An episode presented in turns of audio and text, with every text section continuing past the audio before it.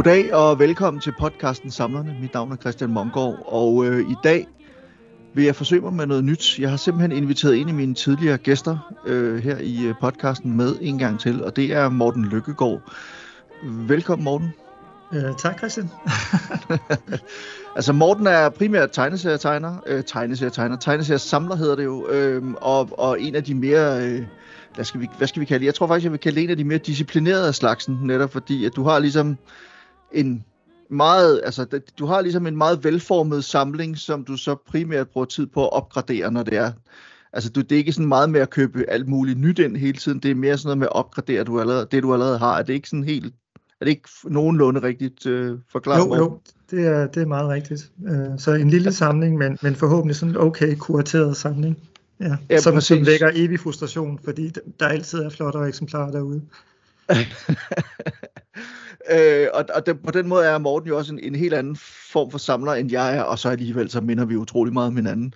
Og det er nok også derfor, at øh, Morten og jeg, vi har alligevel, altså sådan både igennem, øh, både før, men, men ikke mindst igennem hele coronaperioden, hvor vi begge to var spadet inden forskellige steder, der, der øh, snakkede vi jo en del sammen om, om, øh, om alt muligt forskelligt. Og, øh, og der sker nogle ting, og, grund til, og det er også grund til, at Morten han er med i dag, fordi vi har begge to fulgt med i nogle mærkelige ting, som ligesom sker på samlermarkedet, og som på den ene side handler om fysiske genstande i nogle tilfælde, og i andre tilfælde så handler det om virtuelle genstande, øh, øh der er både NFT'er og alt muligt andet, men der er også noget, man kalder liquid marketplace, som jeg ikke fatter en meter af, men Morten ved lidt mere om det, end jeg gør. Og så er der jeg, en masse fatter halvanden meter, tror jeg. Ja, du fatter ja. halvanden meter. Og så er der en masse med, med kryptovaluta og sådan nogle ting, men altså i hvert fald så snakker vi om et, i, i virkeligheden, det der interesserer sig, jeg tror, som er udgangspunktet for den her fascination, det er, at samlermarkedet undervejs i coronaperioden, måske begyndte det allerede inden, men i hvert fald i corona de seneste par år, har forandret sig meget. Der er sket nogle ret vilde ting, både sådan i forhold til, hvad ting koster og sådan noget, men også hvordan det bliver forvaltet, og i øvrigt, hvad man pludselig kan samle på, og hvordan man samler, og, og så videre. Så det, øh, det vil vi alle sammen prøve at, at vende på en eller anden måde, og og jeg tænker, der hvor vi vil begynde, Morten, det er naturlige sted at begynde. Og jeg skal lige sige, at der er nogle af de her begreber, som vi vil forsøge at forklare undervejs, så nogle af dem rammer vi måske lidt ved siden af, så må man skulle selv gå ud og google og sådan noget. Jeg skal nok lægge nogle links ind i show notes til blandt andet nogle forskellige videoer og sådan noget, man kan se, så man kan blive lidt klogere omkring det her, fordi der er en del af det her, det foregår også på YouTube. Øhm, og det har faktisk med en, så vidt jeg ved, en, en, han er vel YouTuber, Logan Paul, en af de mest, øh, en af de største, mest berømte, en af de mest succesrige YouTuber, øh, kan man sige det, Morten? Ja, det er han til sydenladende. Altså, jeg er heller ikke selv, jeg er heller ikke selv den store Logan Paul ekspert, men, men han er svær ikke at, at få øje på. Øhm, og han har jo både gjort sig, han, ja, han har jo haft forskellige sådan famøse optrædener på YouTube, og også nogle har gjort sig ret uheldigt bemærket. Øhm, men, men han er jo åbenbart en stor Pokémon-entusiast til sydenladende, øh, og kastede sig pludselig over Pokémon-markedet for, altså også under hele den her corona-nedlukning. Øhm, og øh, altså han har jo også været en del af den udvikling, vi har talt så meget om, Christian, ikke? Altså at, at, at priserne er eksploderet, og, og det hele er blevet hypet, og, og bliver meget gjort til ting, der foregår på sociale medier, og øhm, ja, man hvor kan man også virkeligheden, ja. Jeg bare lige for hurtigt sige, at man kan jo sige, at virkelig den snak, vi kommer til her i dag, handler meget om et marked, som sådan har været overophedet, hvor der er en masse ting, der er blevet hypet, uden måske at, at have og opnået en kæmpe værdi og er blevet solgt for meget store beløb, uden måske i virkeligheden at være det værd, om jeg så må sige. Altså, at det er noget, der er kunstigt skabt. Og jeg kan sige, det er noget, jeg også snakket med både øh, Felix Liu, øh, som er Comic Art forhandler, Comic Art samler, samler, og så David Mandel, øh, mm. som er øh, øh, både samler på rekvisitter, men også samler på original øh, tegneseriekunst. Øh, begge er de amerikanere, begge har de været inde og snakke noget om det her, som også har med nogle store auktionshuse og så videre at gøre. Men, men undskyld Morten, det bare fortsæt. Nå nej, men, men jeg, jeg tror, jeg synes, det har været fascinerende at følge det. Og, og, altså, jeg kender ikke så meget til Pokémon-markedet, øh, men alle kan jo se, at det også har fået sådan enormt meget opmærksomhed øh, de sidste par år. Altså, øh, og igen det der med, hvornår noget øh, får værdi, og hvornår noget reelt er sjældent. Altså, et eller andet sted, så tænker man jo også, at det kræver tid, ikke?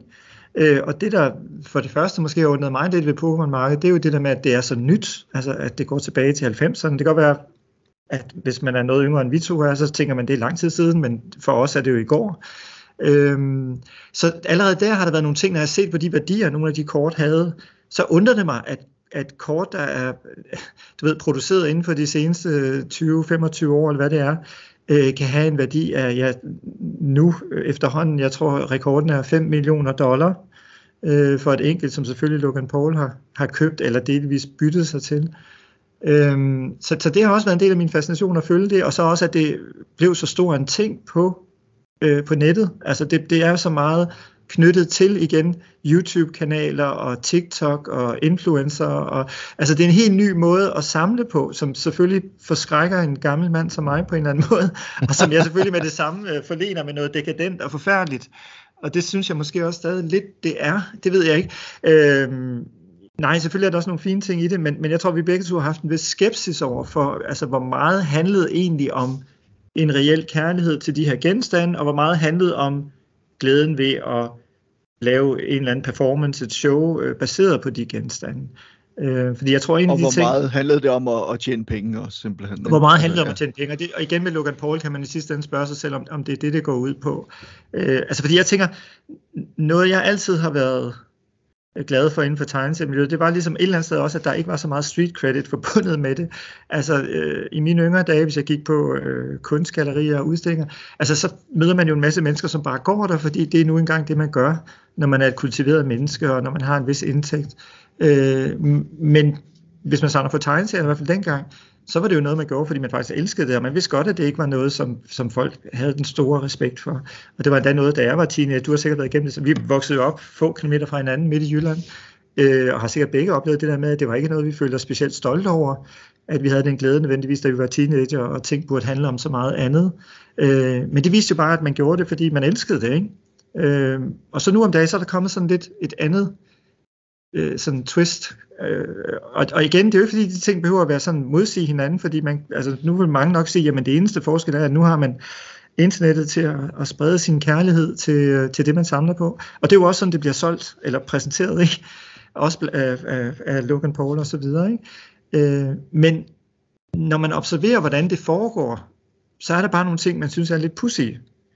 Øh, altså vi har talt om den famøse papkasse, Ja, vi vender lige til pap, tilbage til papkassen om lidt, fordi den, den er faktisk, det er faktisk ret interessant, og det var også der, hvor du sådan første gang præsenterer mig for det, og jeg ja. begynder at dykke lidt ned i det, om op, altså jeg mister meget hurtigt overblikket, men kan sagtens se, at der også ligger noget fascinerende her, fordi det handler jo både om, om falsknerier, om svindel om øh, begærlighed, og det handler om øh, jagten på opmærksomhed, som du også selv var inde på. Men jeg vil bare lige, lige hurtigt for at sige, altså der har jo altid været folk, der har samlet på kort, altså samlerkort, sådan nogle baseballkort for eksempel, mm. eller fodboldkort med fodboldspillere på, eller med baseballspillere på, og det har været et marked faktisk i mange år og, og sådan noget, men, men, men det der jo så er sket, det er, at der er kommet nyere ting til, der er kommet Pokémon-kort til, der er i øvrigt også nu, nu folk begyndt at samle på VHS-bånd, og de er altså vi gamle videobånd fra 70'erne og 80'erne og sådan nogle ting, er som, måske som mere 80'erne og 90'erne som er emballeret præcis, og man er begyndt at samle på, øh, på computerspil og sådan noget. Det har jeg også tidligere snakket med,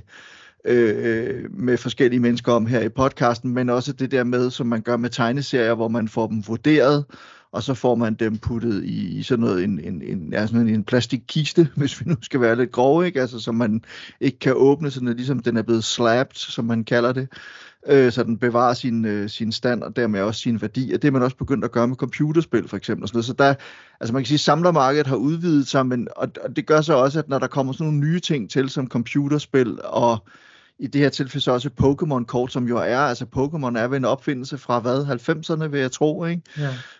Øh, altså det her Pokémon-spil, som jo er, altså er også computerspil og tegneserier og apps til telefonen og alt muligt andet.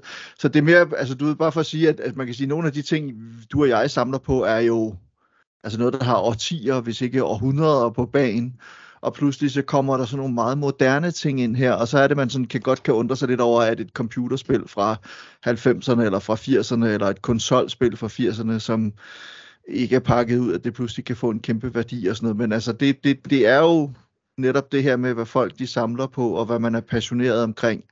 Og så er der altså nogle mennesker, som så kan man sige, udnytter det her. Men lad os lige vende tilbage til det med papkassen, som, som, som du øh, nævnte før, som jo også ligesom er det, der øh, får mig hugt på det her og gør mig interesseret.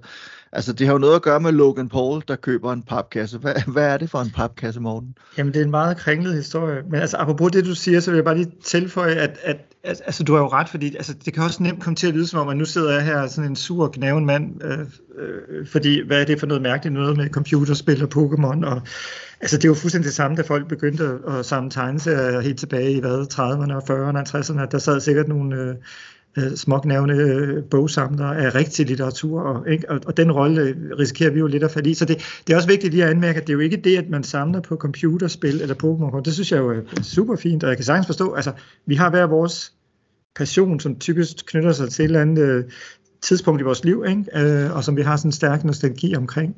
Øh, jeg tror bare mere, at det er det, det bliver reduceret til sådan en ren øh, Øh, investeringsværdi. Altså den der papkasse, jeg, ved, jeg kan ikke engang huske, altså, der, der er en masse små detaljer. Det er noget med, at der dukker en, øh, altså en papkasse med, og, og igen, det må du ikke citere mig for, fordi jeg kan ikke, altså det er jo sådan noget Pokémon Booster Cards First Edition, et eller andet, som aldrig har været taget ud af noget emballage. Ikke nok med, at de ikke er taget ud af den, den emballage, de enkelte kort er i, men, men den emballage er også i en papkasse øh, Øh, en mindre kasse, øh, og så ud, ud over det er de så i en reel papkasse, hvor der så ligger måske 6 af dem, eller 12, eller et eller andet, ikke?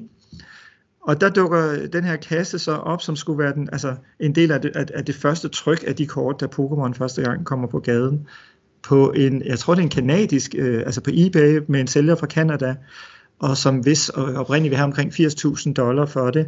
Øhm, og der er så øh, nogen, der begynder at skrive til den her sælger, og allerede der får man nogle mærkelige beskeder og forskellige historier om, hvordan sælger har fået fat i den her podcast. Der er både noget med en mor, der har købt det, da han var barn, fordi moren var så fremsynet, at hun ville investere i Pokémon papkasser, øh, så hun havde købt en til ham, og muligvis også til hans søster, og så er der måske en, der er gået tabt undervejs og sådan noget. Øh, til en anden skriver han noget med at have fundet det på loppemarkedet eller noget lignende. Ikke? Så allerede der er der sådan en masse røde flag, og man undrer sig over, hvad, hvad, hvad det går ud på. Ikke?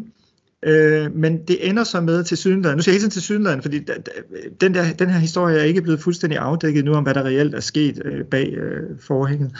Men der er så to amerikanske Pokémon-forhandlere, samlere, slash forhandlere, som så øh, til synligheden køber den. Jeg tror nok for måske omkring øh, 250.000 dollar ud fra deres eget udsagn. Og de har også lavet en video om det på YouTube, hvor man ser noget med, at de får den sendt fra Canada til Indiana, en stat, tror jeg det er, og, og skal hente den på, på, hos den der postafdeling, og, og så derfra drøner de så i bil, det er sådan en helt øh, roadtrip, drøner de så i bil ned til øh, det sted, hvor så øh, er det PSA, de hedder, som er de førende inden for altså grading af kort. Øhm, og de er ikke, til synes heller ikke Pokémons øh, eksperter, og øh, er ikke vant til at håndtere sådan nogle papkasser, der aldrig har været åbne.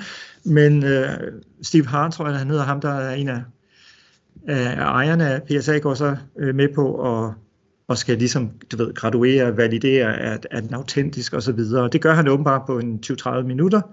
Øh, og så, og, det skal og, lige siges, altså det, altså det han simpelthen går ind og gør, da han kigger på den her kasse, så siger han, ja, den er ægte, den har aldrig været åbnet før. Den har de rigtige markader, den har de rigtige, den rigtige udsmykning, whatever.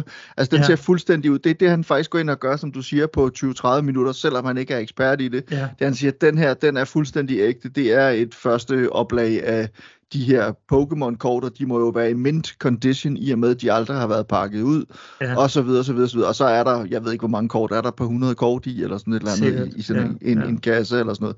Men han går ligesom ind og garanterer, Ja. At det her, det er, den, det, det, det er den ægte vare, og mm. derfor har den også en højere værdi end, end de der 250.000 dollars, I har betalt for den.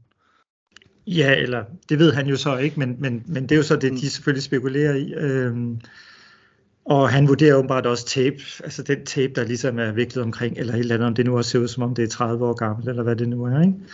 Øh, og så går de så videre derfra og henvender sig til sådan en ret, øh, sådan en lidt øh, superstjerne Pokémon forhandler.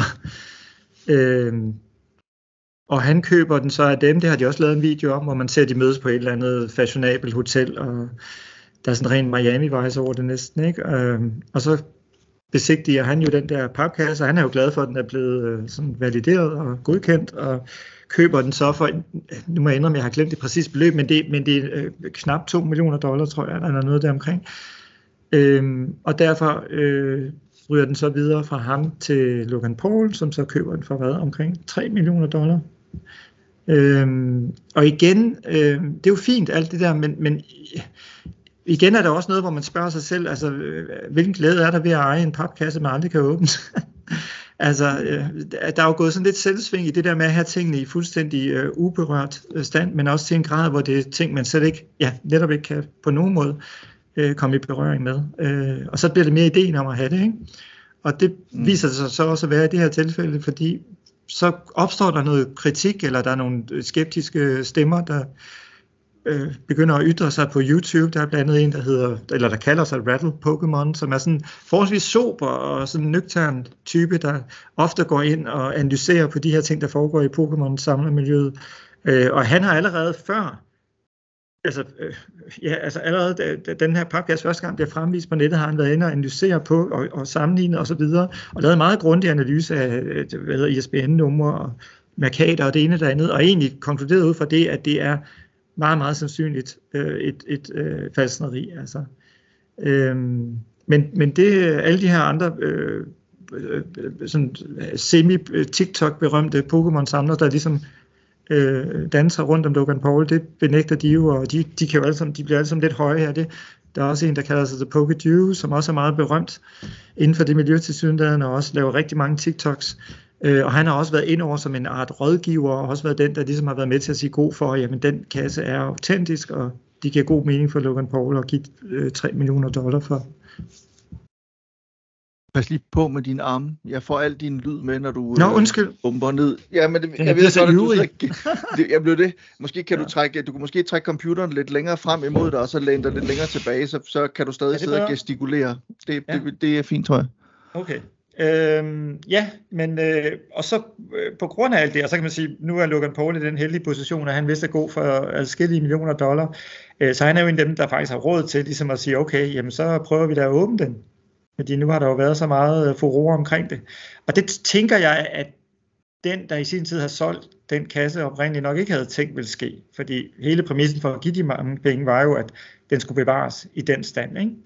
Øh, men det gør han så, så han samler nogle af de her folk omkring sig. Øh, Shai, tror jeg, han bliver kaldt ham, der solgte den direkte til Logan Paul. Øh, The Pokedew er også med, og øh, ham her Steve Hart fra, fra PSA, tror jeg.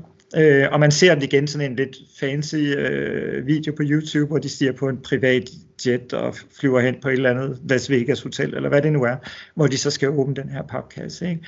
Og det gør de så, og den indeholder så G.I. Joe-kort øh, som absolut ingen værdi har.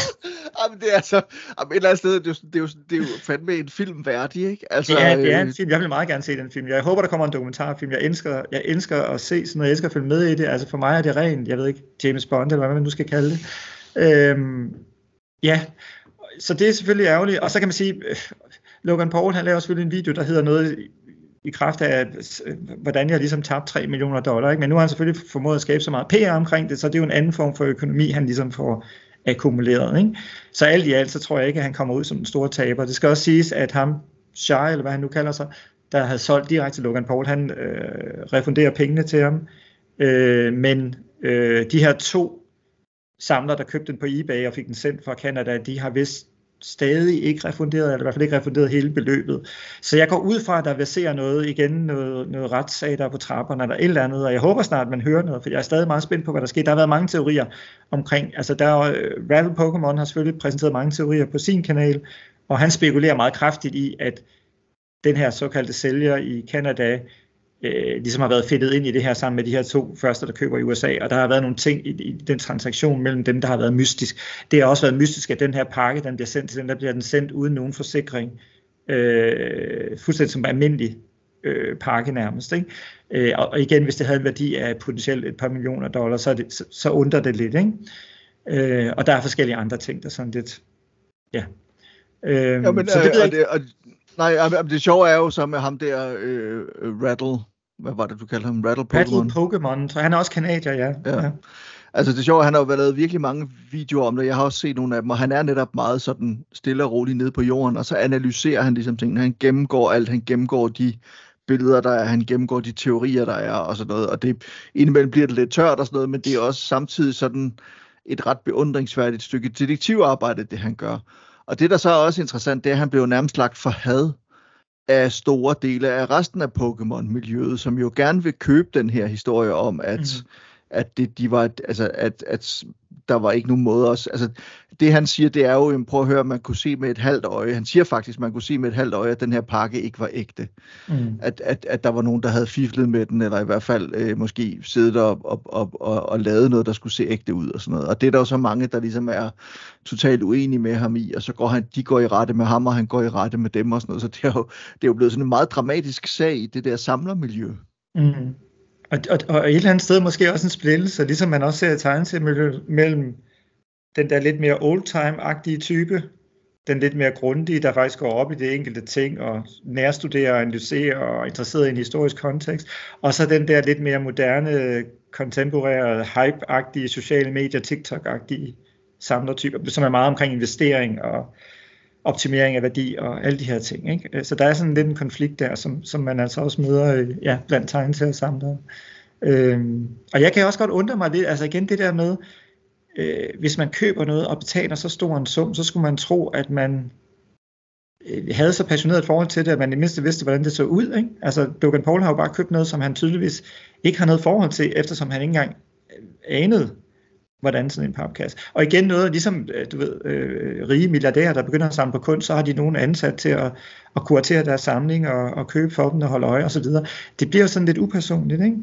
Øh, men efter den sag, øh, der gik han jo så ud og købte det dyreste kort, der nogensinde er forhandlet åbenbart, også af Pokémon-kortet, såkaldt Charizard, et eller andet. Og igen, jeg er ikke nogen Pokémon-ekspert, så jeg ved stort set intet om det, andet end at det regnes for øh, det mest sådan atroværdige, og det var selvfølgelig også, men selv der er der også ting, som jeg synes er lidt forstemmende. Øh, der køber han et kort, han kommer i Guinness øh, rekordbog for at have betalt, jeg tror 5,3 millioner dollar.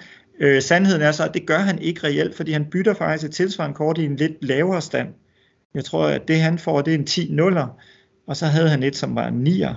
Øhm, og så betaler og skalaen han går fra skalaen går fra ja fra 1 og så til 10 simpelthen 10 er det ja, bedste 0, man... 0 jeg tror også du kan have 0,5 okay. hvis det er helt ja, slemt ja. Øhm, ja så han jeg tror det er noget med at han, han betaler muligvis 4 millioner dollar, og så bytter et kort, eller noget i den dur.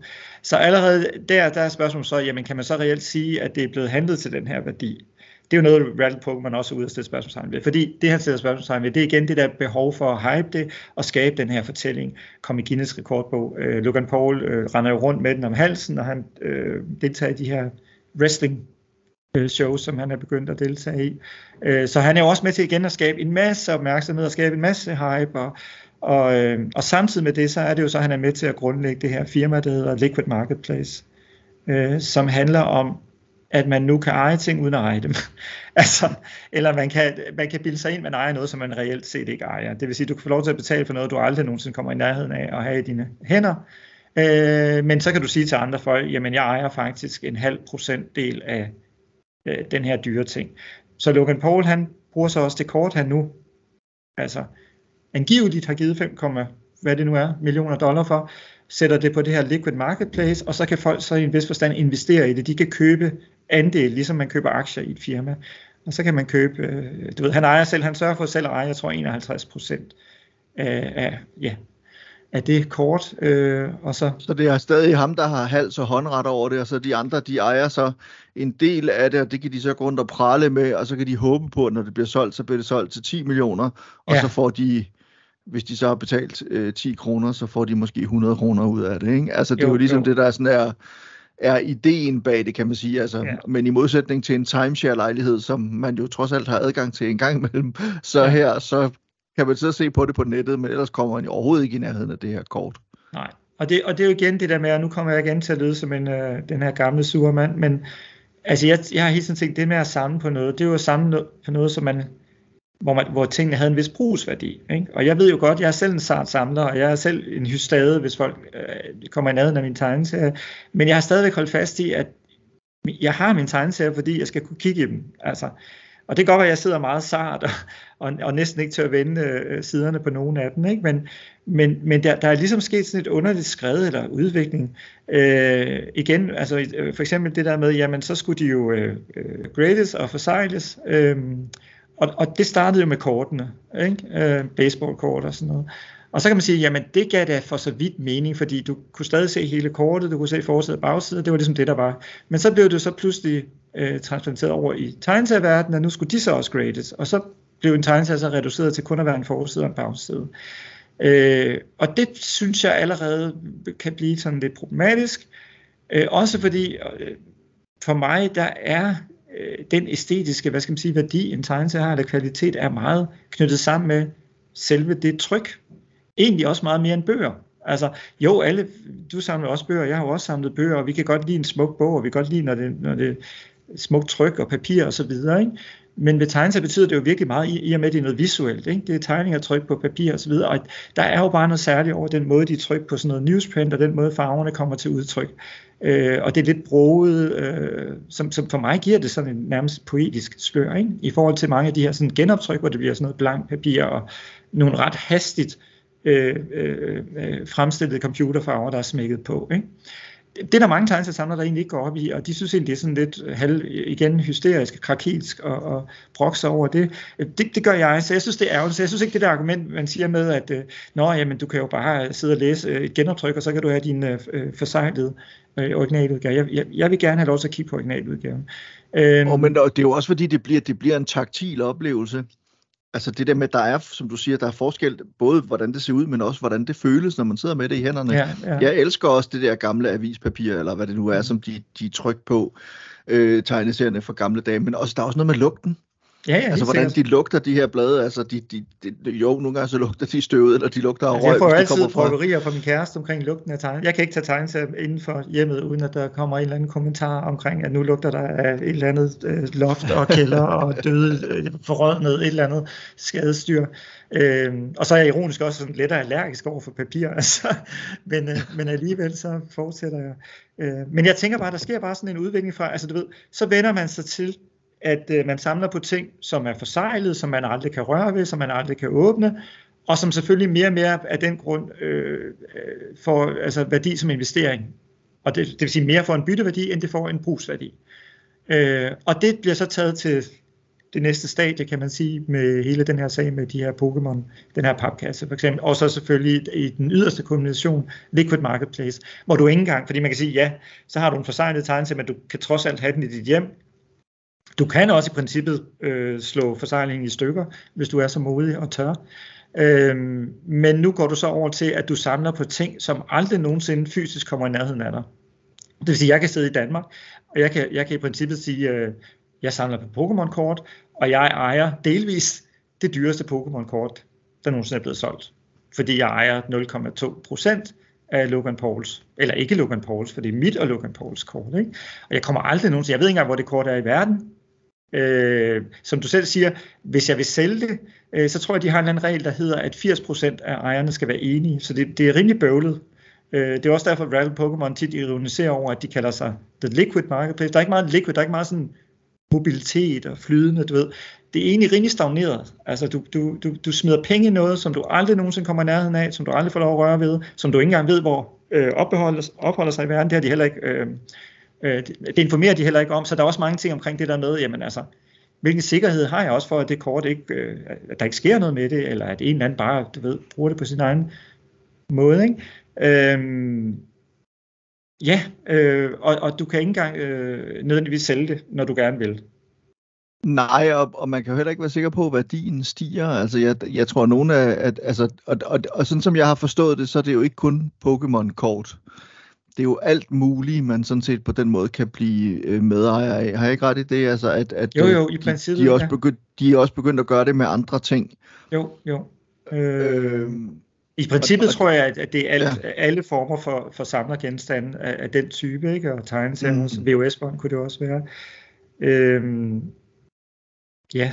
Øh. Men, men også bare det der med, altså, at, at, at man kan ikke være sikker på, at prisen stiger og sådan nogle ting. Altså, og når Logan Paul han så har betalt 5 millioner dollars øh, for det her Pokémon-kort, og på den måde, øh, det er rekord, og det er det dyreste Pokémon-kort nogensinde. Spørgsmålet er så, er det en reel værdi, eller er det noget, der er blevet pisket op af alt det der ballade, der ligesom har været omkring kortene, og som, som har været, altså, der sker jo også nogle gange det der med, at der kommer noget hype omkring et eller andet.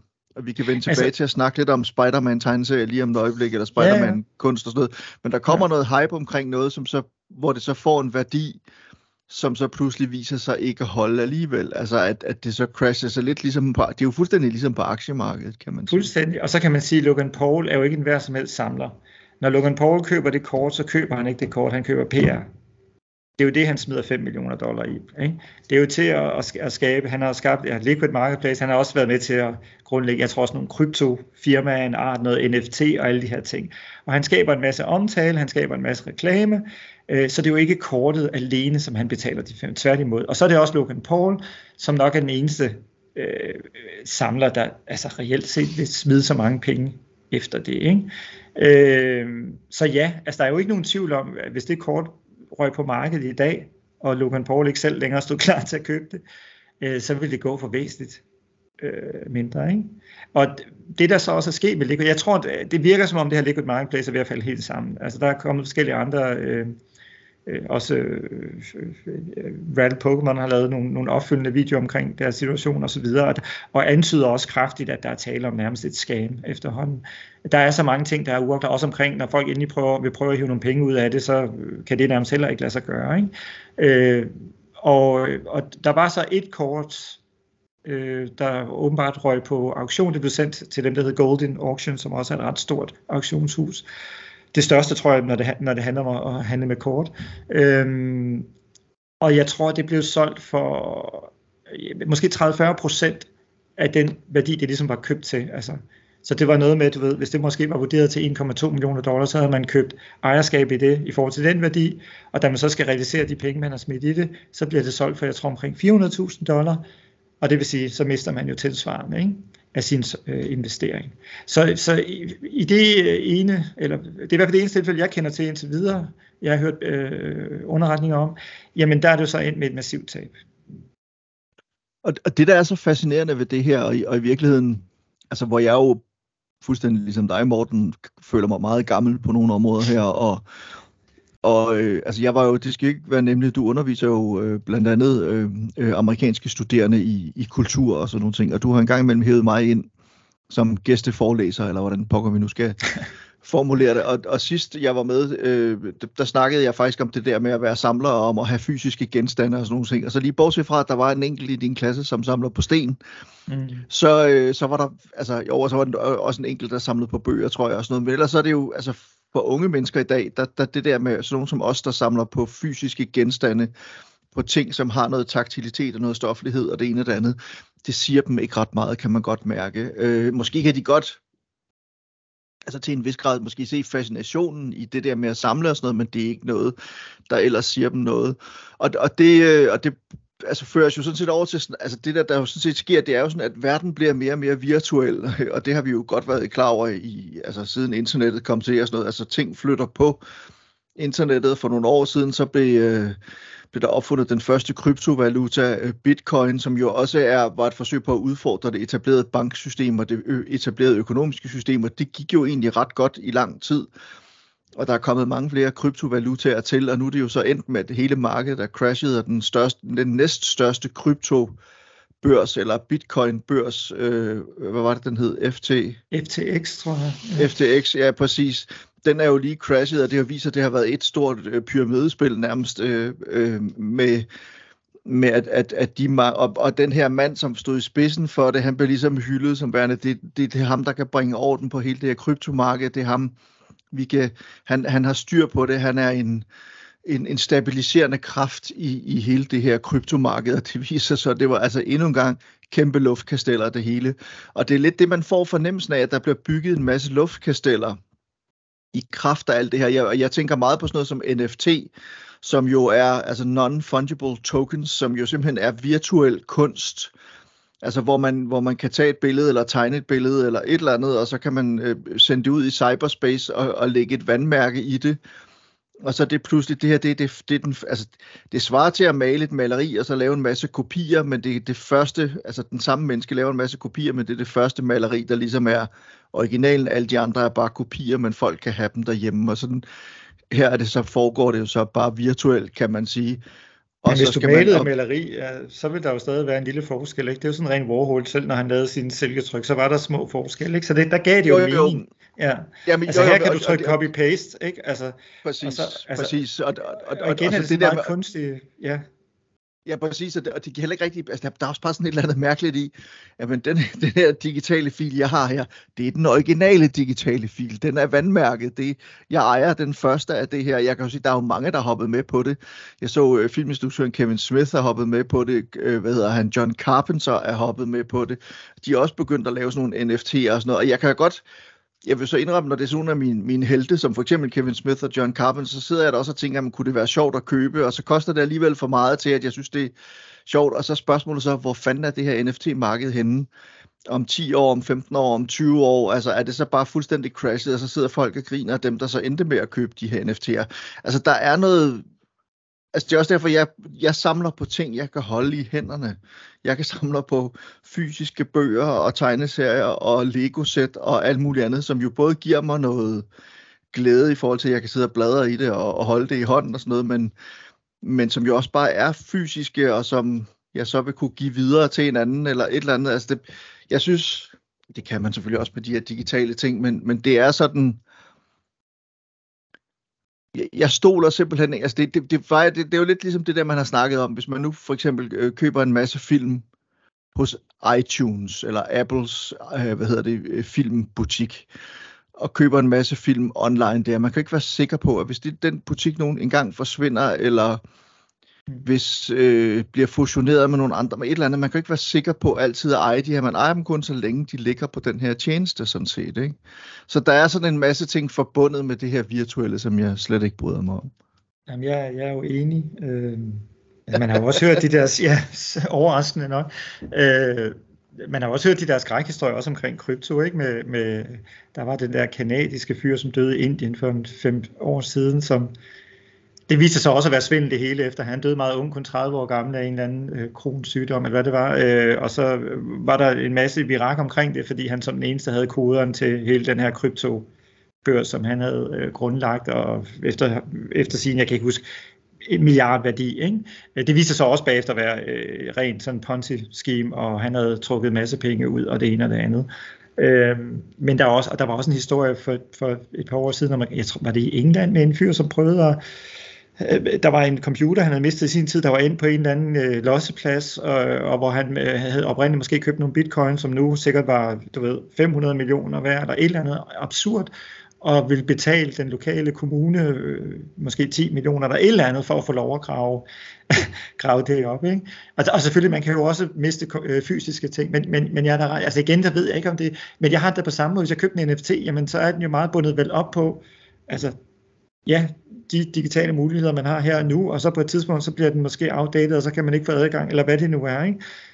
Øhm, og så synes jeg også bare, at der er noget bizart over, at noget, som lige så vel kunne produceres til bare at blive tilgængeligt for alle, hvilket vel var ideen med hele internet og digitalisering, ikke? at det så nemt bare kan kopieres, og der jo ikke er en original, at man så skaber en kunstig original, udelukkende fordi, at man så igen kan skabe noget hype og opmærksomhed, og igen kan kan skabe noget altså kunstig værdi, skulle man næsten sige. Ikke? Og sådan foregår det også tit med de NFT'er. Ikke? Altså, altså, så er der en eller anden kunstner, der laver en NFT, og så laver han et begrænset op, og så skal man nærmest trække lod, når man har stået på en liste, og så føler man sig meget beæret, og så får man lov til at være blandt de der øh, 2.000, der får lov at købe en NFT, og så ud af dem, så er der tit også et eller andet med, at 10 af dem er en særlig variant Øh, øh, og der, jeg kan huske, min svoger fortalte mig, at han havde været en del, han, han, han har været sådan, han er, mere, han er også yngre, ikke? altså omkring de 30, og, og, og, og mere glad for krypto og NFT, og, og har købt forskellige NFT'er. Øhm, og, der, og der var også en af dem, hvor de havde stået på en liste, og der var en anden, om det var en svensk kunstner, eller hvad det var, der lavede nogle NFT'er, og hans ven havde så fået en af de her sjældne varianter, som åbenbart, i hvert fald på papiret, meget hurtigt var sådan noget 4 millioner kroner værd, eller et eller andet absurd, og han havde måske givet 10.000. Og det var jo fantastisk. Problemet var så bare, at de her penge var bundet op i den kryptovaluta, der hedder Ethereum. Øhm, og så har de haft alle mulige ting med, at de ikke rigtig ved, han vidste ikke om, hvordan skulle han trække de penge ud, og kan man det, og skal man så betale skat, og den og den, og får ikke rigtig gjort noget ved det, og nu er 80-90 procent af den værdi forsvundet inden for de seneste måneder.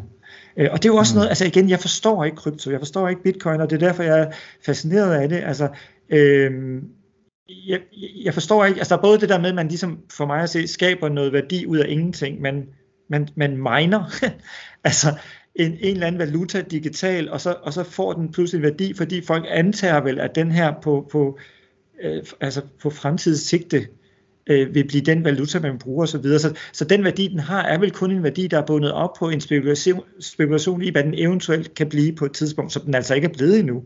Også i og med, at krypto jo heller ikke er en anerkendt valuta. Øh, og, og så det der med, at det så bliver til en ren investeringsobjekt, gør jo så, at, at øh, hvad hedder det, værdierne svinger jo fuldstændig vanvittigt.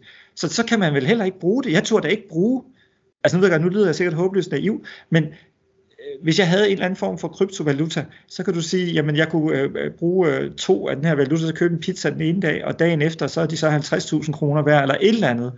Øh, du ved, når det svinger sådan op og ned. Det, altså, så jeg har hele tiden undret mig lidt over, hvad det gik ud på, og været meget fascineret af det. Altså, og så har mm. man så som sagt set, at der er også det der med, at det er så fuldstændig ureguleret. Og det er rigtig mange folk inden for du ved, internetverden, de kan jo godt lide det der med, at de har jo sådan en anarkistisk, anarkistisk øh, træk i sig. Ikke? De kan godt lide at være sådan lidt anti-autoritære, lidt, du ved, og, og skabe deres egne små verdener. Øh, så de kan godt lide ideen om, at de bryder med den regulering, der foregår fra statens side. Men, men for os almindelige dødelige, så er der jo vel en eller anden tryghed i, at når vi sætter vores penge i en bank, så er det alligevel en bank, der er under en vis form for opsyn. Så vi ved, at det er en reel bank, vi sætter det i. Men her, der skal du så smide en masse penge i noget, som er skabt af en eller anden individ, som så nogle gange viser sig at være en svindler. Jo, men så kan man sige forskellen på netop at købe krypto og så købe aktier for eksempel. Altså når man køber aktier, så er det i en, en virksomhed, som producerer et eller andet, og som så øh, kan man sige, beviser sin værdi, eller det modsatte, og så stiger aktierne, eller så falder de. Altså, jeg, jeg var så heldig at købe for 10.000 kroner aktier lige inden krigen i Ukraine brød ud, og, og de, øh, de aktier er nu omkring 7.000 kroner værd, kan man sige. Ikke? Så, så det, det, det vidner jo sådan lidt om, hvordan sådan nogle ting så også spiller ind, sådan noget med, med, med, med krig, men også et firma. Så jeg købte blandt andet aktier i Apple, øh, naturligvis, fordi de stiger jo altid. Google er dit hej, men de falder lige i øjeblikket.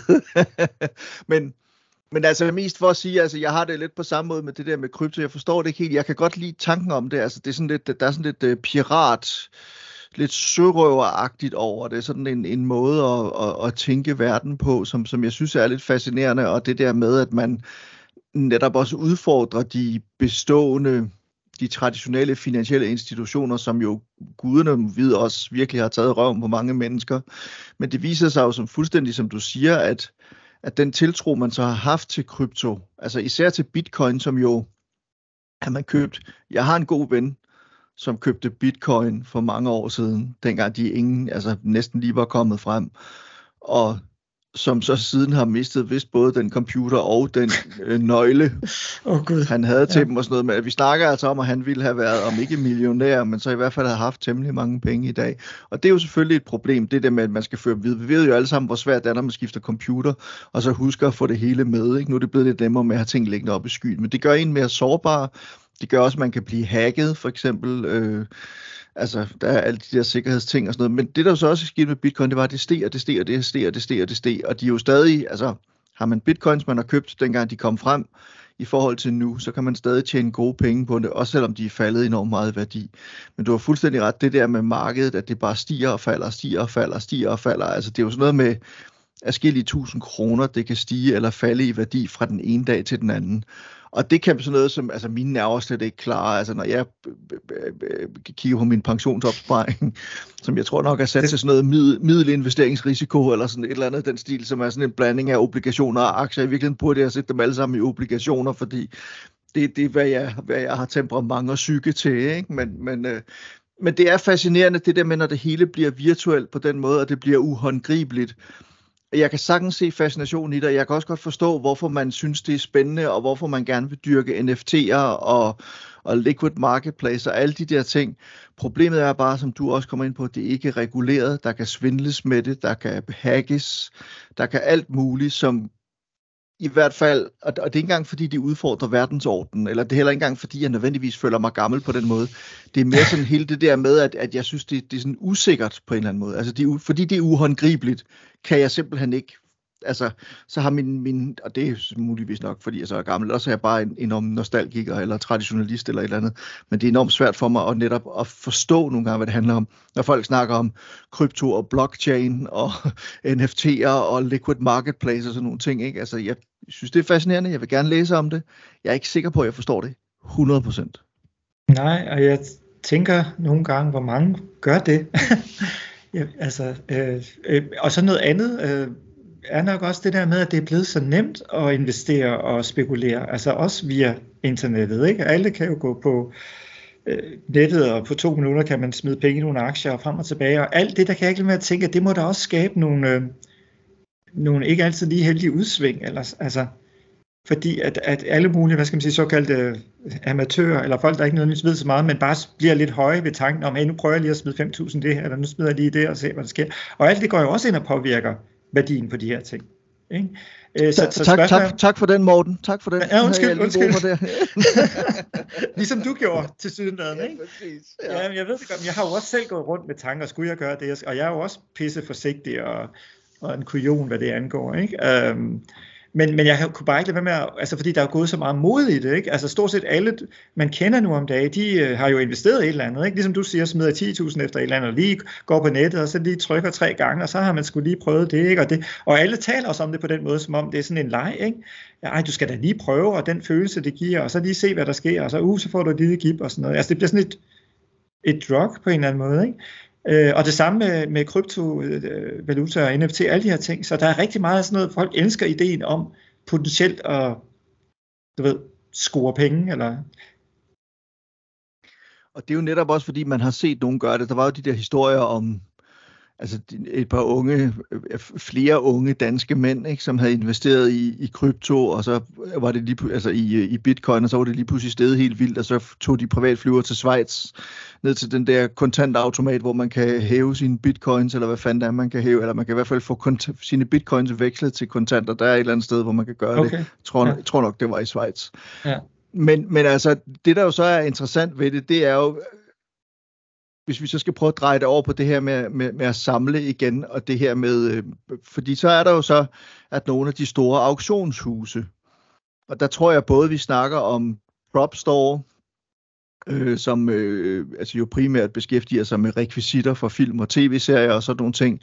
Vi snakker om Bonhams. Jeg er faktisk lidt usikker på, om Bonhams de tager imod kryptovaluta, men Bonhams, som jo er et af de verdens største auktionshuse, som faktisk ejer nu Brun Rasmussen i, i Danmark, Øh, så er der i hvert fald Heritage Auctions, som er det helt store, når det kommer til især tegneseriekunst, men også tegneserier i det hele taget, og ja, nu også masser af alt det her med baseballkort og med Pokémon-kort og, og alt muligt andet. Altså, vist også computerspil øh, og konsolspil og sådan nogle ting. Altså, Heritage er blevet et af de helt store øh, auktionsfirmaer på den måde. Øhm, og dermed også en magtfaktor, og de er jo så begyndt at acceptere krypto, men det bliver interessant, det bliver jo netop at se, fordi det er så lige nu, at, at man har lidt fornemmelsen af, at boblen er bræst, altså at, eller bristet, hvad fanden hedder det, boblen er bristet hedder vel, den bræst, den er bristet, ja, boblen er bristet, øh, den bræst, øh, eller bristet, ej, det hedder den bræst, og den er bristet. Nå, det er også lige meget, det er ikke en sproglektion det her, men øh, det er jo altid træls, hvis man siger noget forkert. Mm. Men man har fornemmelsen af, at i hvert fald bunden er faldet ud af det her kryptomarked, og det vil sige, holder auktionshusene så op med at netop op og, og tage imod kryptovaluta. Det kunne man godt forestille sig. Men jeg kunne godt tænke mig, og det her det er noget, jeg allerede, jeg har snakket lidt med Felix Lue om det, jeg har også snakket med David Mandel om det. Men tidligere i år, var der jo en Spider-Man tegneserie, øh, eller noget, noget original øh, tegneseriekunst, som blev udbudt til salg på Heritage, og som jo så blev solgt for et sindssygt antal øh, dollars, og, øh, og det blev den dyreste tegneserie side, hvis nok nogensinde, ikke? Det tror jeg, øh, det Jo, dyreste jo. stykke tegneseriekunst.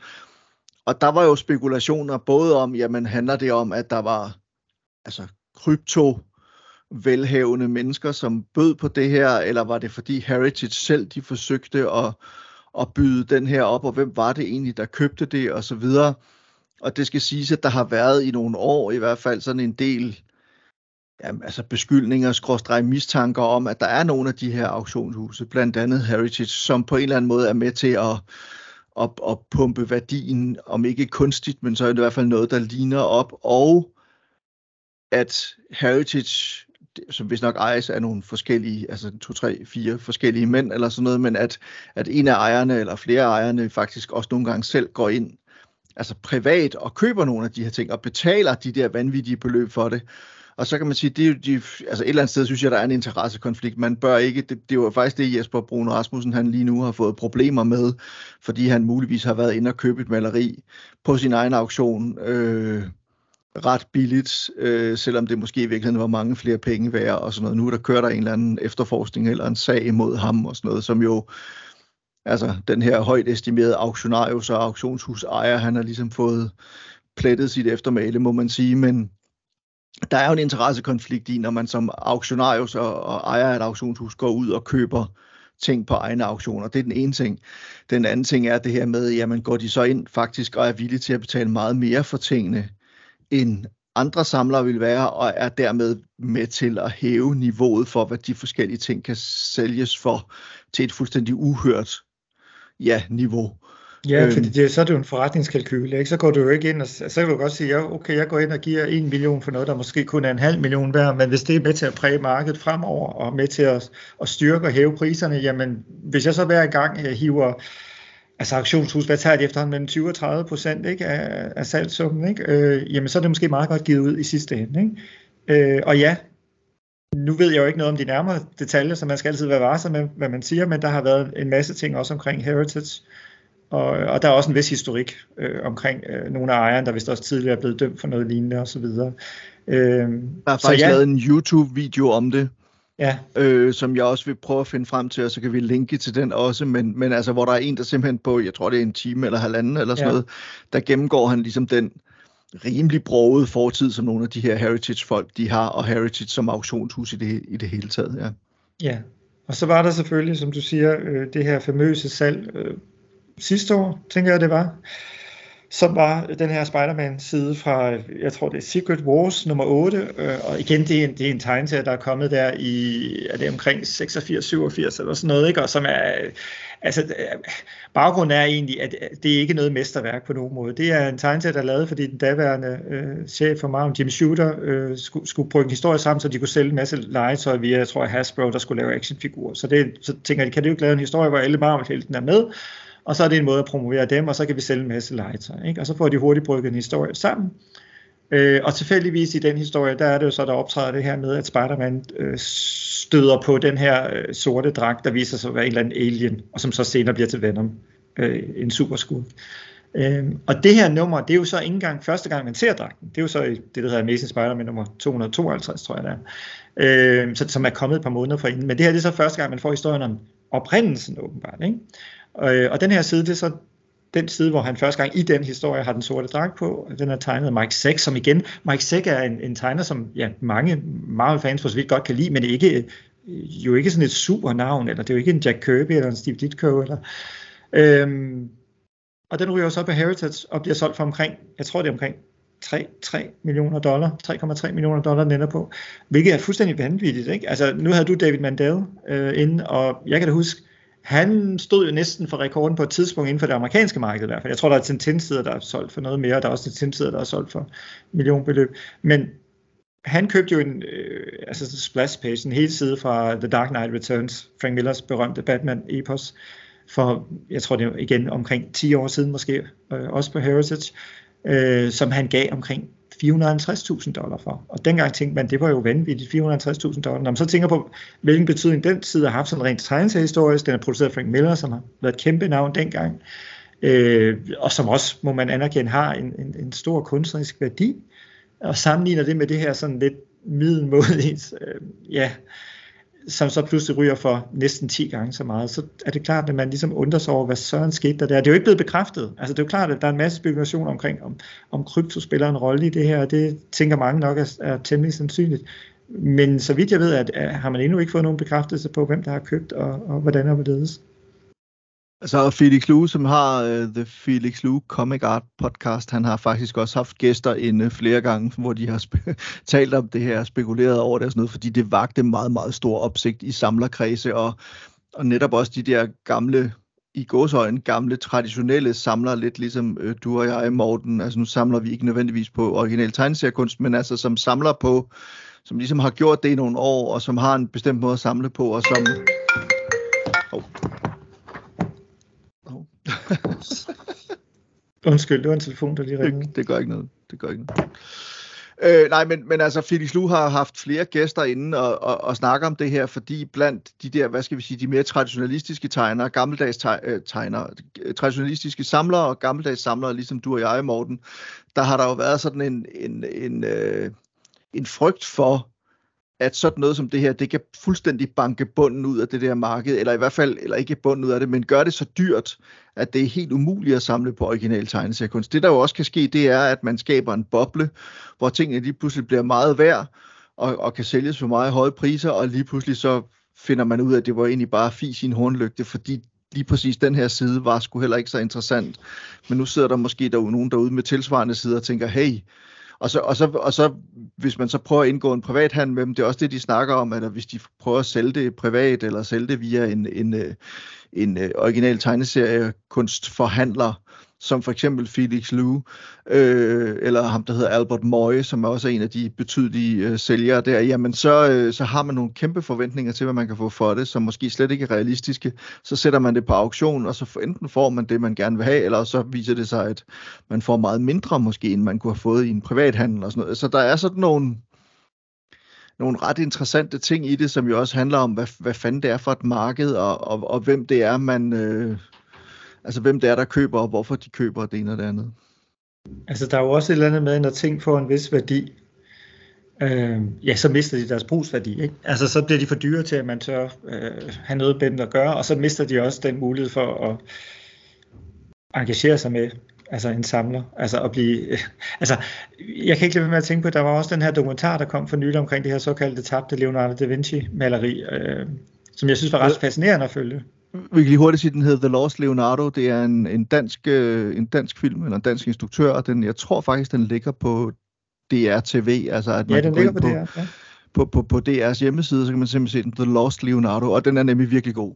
Den er virkelig god og virkelig spændende. Det er en ren krimi, øh, men den har jo også den der fortælling omkring, hvordan der dukker øh, det her maleri op på en auktion. Er det sådan noget New Orleans eller et eller andet i den dur? New Orleans øh, til ret, en ret billig penge. Ja, det er sådan noget 1500 dollar, eller et eller andet i den tur. Øh, og, og der er så, nu har jeg glemt, hvad de ligesom kalder sig, der er de, den her type samler, som ligesom har specialiseret sig i at finde malerier, som muligvis kunne være lavet af en, en mere kendt maler, og alle de her ting, og muligvis kunne have en højere værdi. Og, og, så, og malerier, hvor man, man ser et maleri, men måske er det i virkeligheden malet ovenpå et andet maleri, ja. og så prøver de at finde ud af, hov, kunne det i virkeligheden være en hollandsk mester, der ligger inde under det her nye maleri, ja. kan man sige. Og sådan noget. Så det er, sådan, det er sådan nogle, der er detektiver ud i, i den her verden, kan man sige, øh, ja. med, med, med, med, med, med klassisk kunst. Ja, så, og så, så der er sådan et markerpar, ikke, der køber det her maleri, og, og så har de det rundt til forskellige eksperter. Og, og et andet twist, der er i den dokumentar, er jo også det der med, at nogle af de her eksperter kan jo også have deres egen agenda eller deres egen motiv for, hvorfor de gerne vil se en Leonardo. Fordi det kan være med til at fremme deres karriere. Der er en, en mand, der sidder du ved, i London og så videre, og måske øjner muligheden for at lave en kæmpe udstilling og blive den sensation, der er den første til at præsentere et nyt Leonardo da Vinci-maleri ikke? i over 100 år, eller hvad det nu er. Ikke? Øhm, så, så der er den tid i, i det også. Og så er der selvfølgelig det der med, at de får, ja, de får jo øh, fjernet det her øverste lag af maleriet, og så kommer det her nederste lag frem, som, som nogen som mener kunne være en Leonardo da Vinci, og andre mener ikke. Og det er så også samtidig en temmelig ramponeret forstand, eller øh, tilstand. Øhm, og så får de jo hyret en eller anden øh, øh restauratør, eller sådan, øh, eller restaurator, undskyld, restauratør. vi er trætte, ikke? Øh, jo, jo. En restaurator, øh, som jo så, ja, restaurerer det, men, men, men restaurerer det temmelig massivt, ikke? Altså øh, nærmest, øh, jeg, jeg har nærmest indtryk af, at 70 procent af det bliver ligesom nymalet, ikke?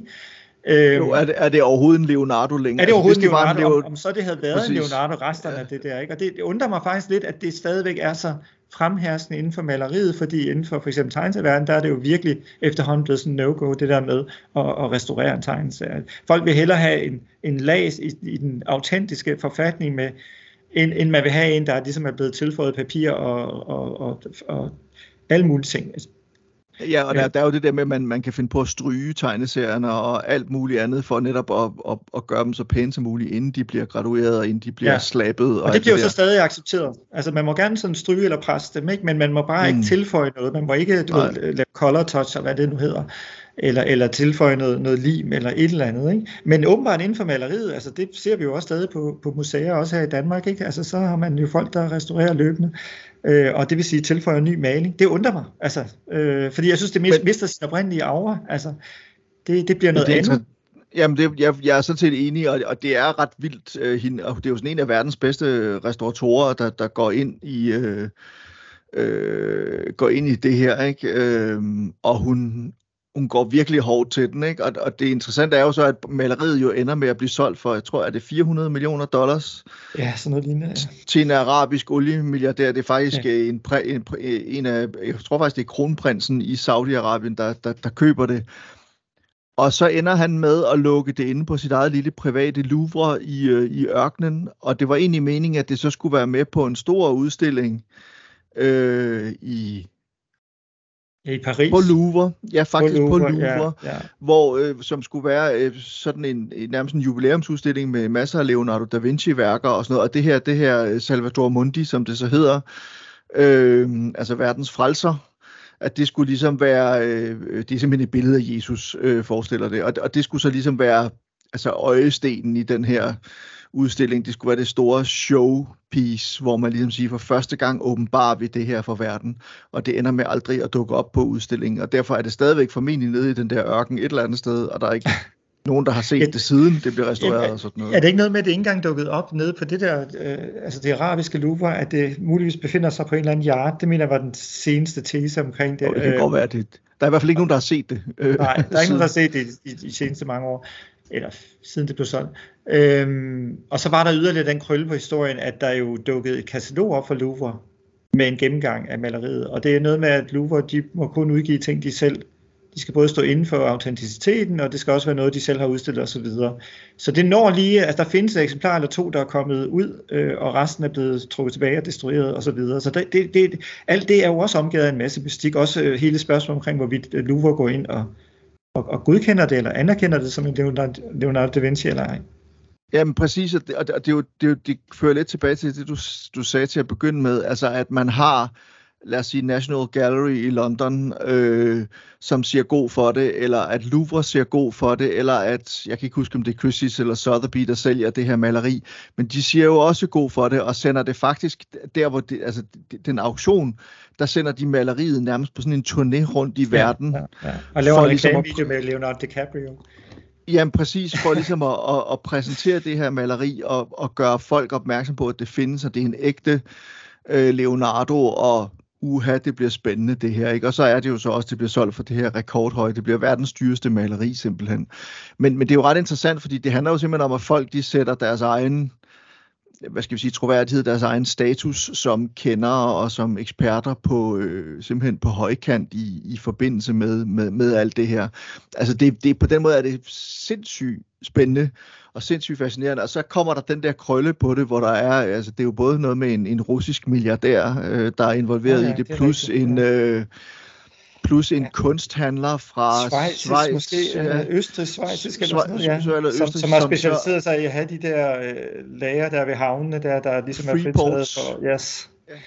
Ja. Øhm, Altså, der er mange så ting åbenbart omkring. ligger simpelthen en Ja. kæmpe, altså en stor del af verdens kunstskat, Ja. ja. ligger åbenbart begravet i de der forskellige freeports, som er sådan nogle, altså en havn, hvor man simpelthen man kan transportere sin kunstsamling rundt mellem de her forskellige øh, freeports i verden, eller bare have dem liggende i en af freeports, så kan man tage det ned og kigge på det og nyde det og sådan noget, alt muligt andet, men så længe man ikke tager det ud derfra, så skal man ikke betale skat af det. Så skal man ikke deklarere det. Så man kan, man kan nærmest have hvad som helst liggende derinde i, i, i de der øh, velvinge, i de der bokse, kæmpe bokse, der er i de her freeports. Altså, Ja, det, og- det, og det er så vildt, altså. Jamen, og igen, så handler det jo altså tydeligvis heller ikke længere om malerierne. Så handler det om, altså, at, at det er en måde at opbevare penge på, ikke? Som du så bare har bundet op i det maleri der, ikke? og som du så på et tidspunkt, så frigiver du de penge, eller så er det blevet til endnu flere penge osv. Altså malerierne er blevet fuldstændig ligegyldige, så et eller andet sted er det jo meget symbolisk, at de er gemt væk i, i de der lagerboks, eller hvor, hvor søren de er. Der er ingen, der kærer sig om dem længere, man kærer sig om den værdi, de har. Ikke?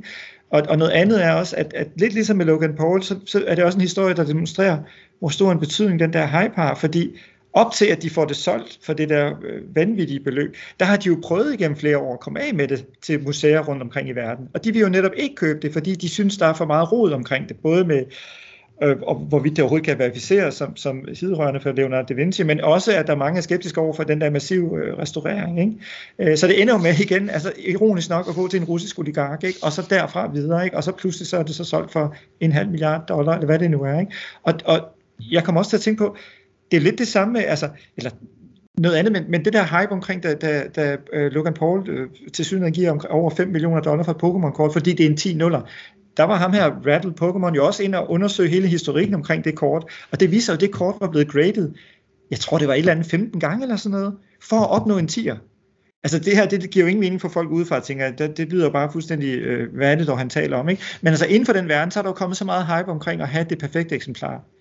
Og det skulle man så tro, at det var bare det, og længere den ikke. Men nej, eftersom at, folk, der sidder og grader, de er jo også, det er jo et enkelt menneske, der, der spiller noget subjektivt ind, og du kan have en god dag, du kan have en dårlig dag osv., jamen så er der folk, der spekulerer massivt i det, så de sender den samme genstand ind igen og igen, i håbet om, at den lige får et lille nyk opad. Og det vil sige, det her, det ironiske er jo så, at Logan Paul køber det her øh, Pokémon-kort, der er det jo, han bytter med et, han har i forhånd, som vist nok er en 9-0'er. Men det kort, han by, bytter til, som nu på Leighton hedder en 10 0 har selv været en 9-0'er. Indtil det efter 15 gange måske endelig opnået en 10 0 Altså det er jo, jeg ved ikke, det, er lidt skørt. Jamen, og, og, og det gør jo bare, at, at man holder op med at tro på det der system. Altså, det, det virker ja. jo fuldstændig upålideligt og fuldstændig øh, øh, uvederhæftigt på alle tænkelige måder, at man netop bare ved at sende det ind nok gange, altså i teorien kunne man jo risikere det modsatte, det blev nedgraderet, om jeg så må sige, men, men, øh, men altså, det, så kan man jo så sende det ind igen og igen og igen, som du siger. Men, men det, altså, og, og, og, og så skal man også lige forstå i forhold til det her gradueringssystem fra, fra 0 og op til 10, og det er, at 10, der snakker vi altså om perfekt. Der må ikke være en eneste fejl, nogen som helst slags på det. Og der skal ikke ret meget til, før et kort eller en tegneserie, eller et videobånd, eller et konsolspil ryger fra 10 og ned på 9 og ned på, altså langt de fleste ligger jo på en 5-6 stykker eller sådan noget den stil. Øh, altså det, det skal være sådan, at man går ned og køber det nede i kiosken, og så skal der overhovedet ikke, øh, altså enten, hvad enten det er et kort eller øh, en, en tegneserie, og så ja, skal den jo nærmest slappes med det samme, hvis Jamen man selv, skal nå selv, den hvis, der. først den er, hvis først den er sluppet ud til kiosken, så, så er det ikke en 10 eller en 9 8. altså, altså, man siger jo, at, at selvom du tager det direkte fra trykkeriet, og, og, og du har måske 50.000 eksemplarer, der er trykt, ikke? Altså, så, så, så er du måske heldig, hvis et par tusind af dem er 9 8. Og måske et par af dem er 10'er, ikke? Øh, Så allerede, når de når ud, og før de står, hvis det er en tegneserie nede i en kiosk, jamen, så får det et lille knæk på, på ryggen måske, og så er, det, så er vi nede i en 8-5 eller en 8-0 og så videre. Ikke? Mm. Så det, det, det er meget hysterisk, ikke? Øh, og, jeg, og jeg har selv været lidt ramt, som du ved, af det der mint-hysteri nogle gange, ikke? og hele tiden drømmen om at, at få noget, der er pænere. Men, men jeg tror, øh, både sådan i, i erkendelse af den skuffelse, der følger med, når man ikke får det, man gerne vil have, og hvor meget spekulation der efterhånden er i det, og hvordan det bare er gået over til sådan noget rent ja, fixering på de her tal, øh, så kan jeg mærke, at det har, altså jeg har mistet lidt af min, min, øh, min iver efter det her. Jeg ligesom prøver i hvert fald, altså det lykkes ikke helt, men jeg prøver ligesom at sige til mig selv, det er også ganske fint at bare have sådan nogle rimelig flotte eksemplarer, og nogle eksemplarer, som du trods alt godt tør næsten røre ved, ikke? end at have de der fuldstændig hysteriske, som, som også nu øh, handles til nogle øh, tåbelige summer. Ikke? Altså, der er, der er jo netop på den måde... Jamen, jeg, jeg synes også, altså det der hysteri, der kan gå i det og sådan noget. Altså, jeg skal da så indrømme, at jeg, når jeg får tegneserier, jeg backer og border dem. Det vil sige, at jeg putter dem i, i plastik med et papstykke i ryggen, så de ikke bliver skadet af det og sådan noget, men jeg tør stadig godt læse i dem og, og tage dem frem og sådan nogle ting. Og en gang imellem, så er man jo heller ikke måske lige heldig, når man får dem bagget, hvis man er lidt, lidt ukoncentreret eller et eller andet. Det kan jo ske, men altså... Jeg bruger aldrig så, tape, Christian.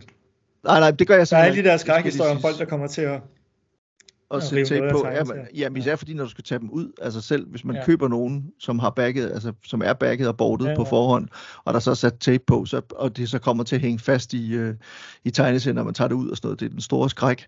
Men altså, jeg er ikke selv grebet af det der hysteri, men jeg kan godt lide at have min, altså at mine bøger er pæne, og at min film er pæne, og at mine øh, tegneserier er pæne, og, øh, og, og, og ordentlige eksemplarer, man skal ikke knække dem op i ryggen, og alle de der ting. Men det andet synes jeg også er vildt, fordi det, så når man jo derhen til, hvor at man får en samling, som bare er i godsøjne ubrugelig. Det kan godt være, at man synes, ja. det er fedt at have den stående, men, men, men øh, man kan ikke rigtig bruge den til noget, medmindre man så også køber læseeksemplarer, og, og det er jo så, altså det, har jeg, det, det kan jeg så godt respektere, hvis man gør det. Hvis man ligesom har sådan en perfekt mint-samling, men så køber man læseeksemplarer ved siden af. Så skal man bare ikke bo i lejlighed med familie, vel? Altså, så, nej, nej, så, så, så skal man have en... Ja, præcis, ikke? Så skal man men, bo på men, et borg i O-sted.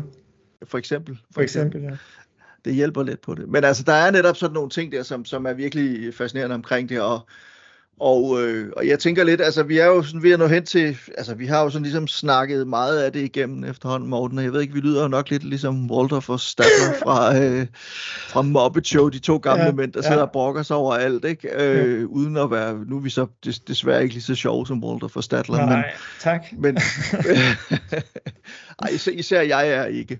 Men, men, øh, men øh, og, og det er jo fint, at hvis man selv har det der, man gerne vil have slappet sine ting, og det ene og det andet, men, men øh, altså det, det, der er, det, det, det, og det er så også, hvad det er. Men det er ligesom om, at, at, at hele den der virtuelle del af det, og det der med at piske stemninger op omkring nogle ting, eller hype nogle ting, eller skabe kunstige prisstigninger og bobler, og det ene omkring, og det ene og det andet omkring det her. Altså det, er også, det fjerner også en eller anden form for uskyld eller renhed fra den hobby, vi har, som er at samle. Og det, det er der, hvor jeg synes, det bliver ærgerligt, når det netop går fra at være, at man samler, fordi man er passioneret, og det kan man godt være, selvom man får sine ting øh, slappet, vil jeg sige. Så kan man stadig godt være passioneret, men men derfra, der, hvor man går fra at være passioneret til at udelukkende at se det som investeringsobjekter, altså at man gør det, fordi at man vil kunne sælge det her om 10 år for det 10 dobbelte, eller det håber man på. Ikke? Øh, den form for spekulation er noget af det, der kan være med til at i gåsøjne at ødelægge den hobby, vi har. Det er i hvert fald noget af det, som også David Mandel og Felix Lu har snakket meget om, at, at det kan risikere at ødelægge det hele øh, for sådan nogle i gåsøjne gammeldags samlere som dem, hvis, hvis det hele det går op i, at, at øh, at, at, altså, altså, at se, det her, se på det her som investering. Og det er også derfor, det bliver interessant at følge, hvad sker der med kryptovalutaer nu? Hvad sker der med NFT'er? Hvad sker der med det her liquid marketplace? Hvad sker der med prisudviklingen? Altså jeg tror, der er nogen, som allerede har købt meget dyrt, som kommer til at brænde nallerne, fordi de kan ikke sælges så dyrt længere. Nej, det har du sikkert ret i. Men, men, du, har, ja, men du har også ret i, vi, vi, vi, i mange ører kommer vi nok til at lyde sådan, som sådan nogle temmelig forstokket, reaktionære samler. Jeg synes igen, det er vigtigt at understrege, det her det handler ikke om, hvad man samler på. Altså om man samler tegneserier eller Pokémon, eller man samler øh, øh, computerspil, eller hvad det nu er. Det handler jo bare om, om man har en reel passion for det. Ikke? Øh, og jeg synes jo bare desværre, at det er lidt sigende efterhånden, at når folk øh, for eksempel inden for et tegneserieforum øh, slår en tegneserie op, de lige har fået, ikke? øh, så er det første respons, det er jo ikke længere, ej, fedt cover af Jack Kirby, eller ej, hvor er det noget fedt design, eller et eller andet. Det er mere, hvilken stand er det, øh, og hvilken værdi tror du, det vil have, og så videre. Ikke? Og det, det synes jeg skulle være lidt trist. Øh, så, så det er jo mere det. Men altså, hvad man samler på, det synes jeg jo er fuldstændig op til en selv. Ikke? Fordi det er jo det samme, vi voksede op med en masse fordomme omkring det at kunne lide tegneserier tilbage i 80'erne og så videre. Ikke? Og, og det møder mange, der kan lide øh, Pokémon-kort, eller hvad det nu måtte være også i dag. Ikke? Øh, jeg, jeg synes som sagt bare, det er den der investeringsfixering, øh, øh der sådan har været sådan lidt, lidt bekymrende. Jamen, det, det, det handler om at, at holde fast i sin passion og samle, fordi man har lyst til det, og samle på de ting, man har lyst til at samle på, og på det, der giver en glæde, og, og øh, øh, øh, altså ligesom pirker til ens, ens øh, altså interesse og nysgerrighed og fascination og sådan nogle ting. Altså, og, og det er jo lidt det, vi gør.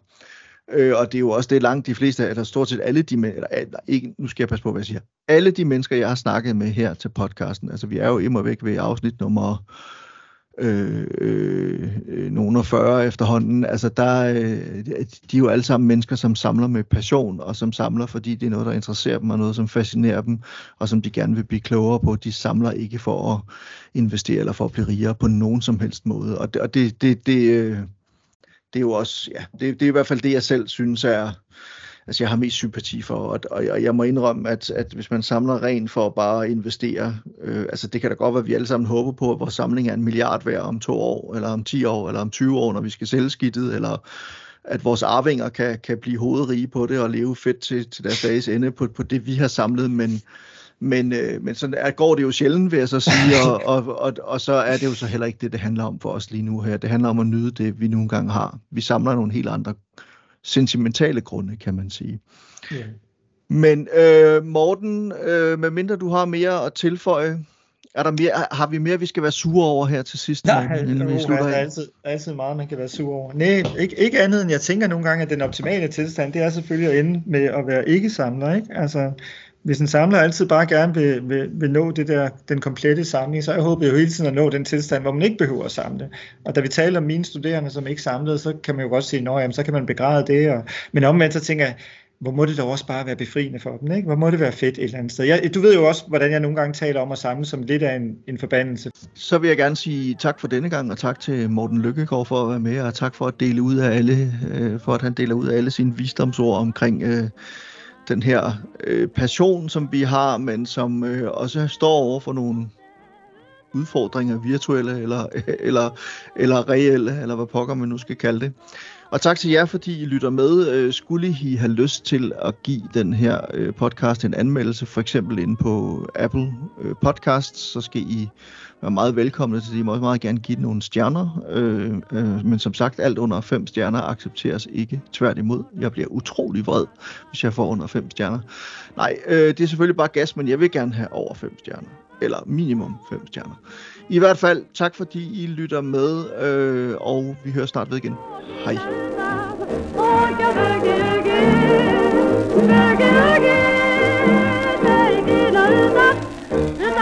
Adana yapı